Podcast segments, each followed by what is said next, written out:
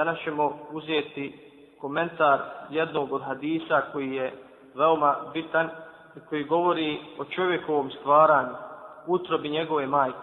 Hadis se prenosi od Ebu Abdurrahmana Abdullaha ibn Mesuda radijallahu anhu.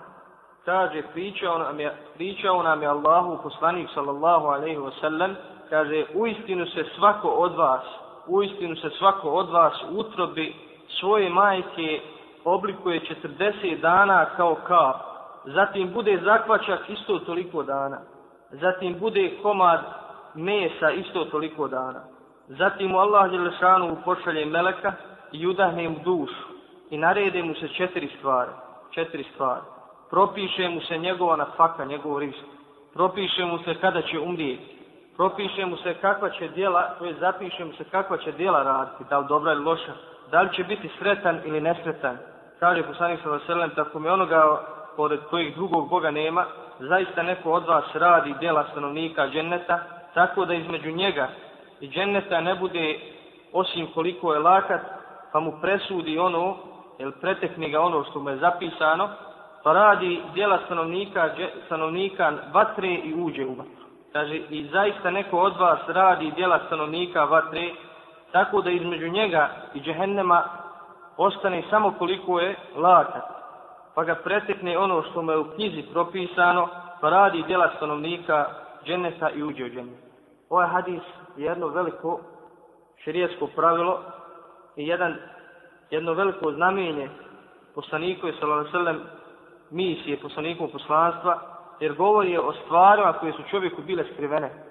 Ovaj hadis je prije 14 stoljeća govori o stvarima koje su tek nedavno, koje su tek nedavno otkrili medicinari i jeli, stručnjaci medicini. A to je kako se čovjek stvara utrobi svoje majke. Ovaj hadis bilježi Bukharija i Muslim. Također u ovom hadisu spominje se i druga mesela, to je određenje kada i kada koje je propisano čovjeku prije njegova prije, prije nego što se rodi na ovaj svijet, kao što vidimo u hadisu. Znači, prvo ono što se pojašnjava u ovom hadisu jeste kako čovjek nastaje u sobi svoje majke. Pa kaže poslanik sallallahu alejhi ve sellem kaže u istinu se svako od vas utrobi svoje majke 40 dana oblikuje kao kao kap sjemena. Kaže Kurtubi, jedan poznati mufesir, komentator Kur'ana, pod ovim se misli da ljudska jeli, kap sjemena ili sperma, kada dospije u maternicu, ona bude raštrkana, rasuta. Pa je Allah Đerlešanuhu, kaže, spoji sa ženskom jajnom ćelijom i tako nastaje ta, jeli, prva faza, prva faza ovaj, stvaranja čovjeku u utrobi njegove majke. Kaže, Kurtubi još u to vrijeme, jer medicina nije toliko bila poznata, kaže da taj spermatozo, spermatozoidi od čovjeka koji uđu u utrobu njegove utrobu majke, utrobu maternice, kaže, oni budu razasuti po maternici. I kaže, pored tolikog broja spermatozoida, samo jedna jajna ćelija ženska spoji se sa jednim spermatozoidom i tako nastaje jel, začeće. Tako nastaje začeće. Samim tim počelo je stvaranje čovjeka. Samim tim počinje stvaranje čovjeka. Ovo što, što je Kurtubi navio prije jel, dugo vremena, to su poslije usponaj, potvrdili medi, ovaj, medicinski stručnjaci i doktori. Što se tiče same ove kaže osnovi, to je čista, čista i bistra tekućina i ona u takvom obliku ostaje 40 dana. Zatim dolazi drugi period čovjekovog stvaranja, a to je zakvačak. To je zakvačak, a kaže zakvačak je zgrušana i gusta krv. Zakvačak je zgrušana i gusta krv.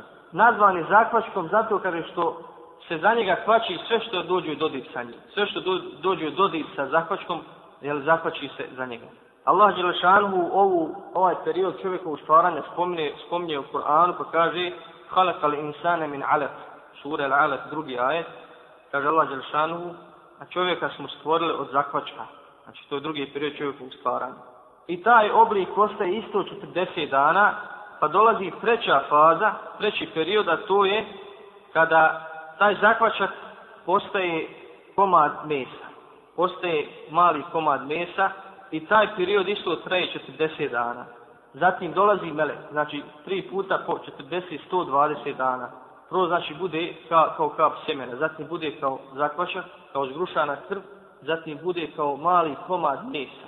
Kaže ovdje navode, na arabskom kaže se mudga, to je kao, kao mali, kao mali zalogajčiće, kaže. Što kaže, kao, na našem jeziku se može presti kao mali zalogajčić, kaže ma, mali komad mesa.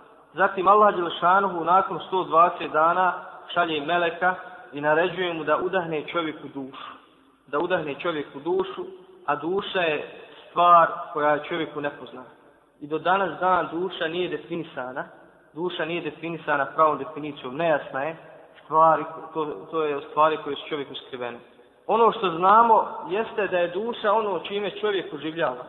Sve do prije nego što duša dođe, prije nego što se udahne duša od čovjeka, čovjek je još neživo biće. Međutim, kada Allah Đelešanu pošalje meleke, udahne mu duh, tada čovjek postaje živo biće. Kaže Allah Đelešanu, spominje u Kur'anu, kada su mušnici pitali poslanika sallallahu alejhi ve sellem o duši, šta je to duša? Pa kaže Allah Đelešanu, jes'alunaka anir ruh. Kul ruh min amri rabbi wa ma utitu min al-ilmi illa qalila.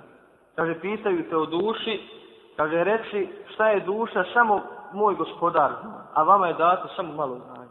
Znači ovaj ajet, ovaj ajet potvrđuje da u suštini, suštinu duše tog ruha niko ne poznaje da uzvišeni Allah i Bašan.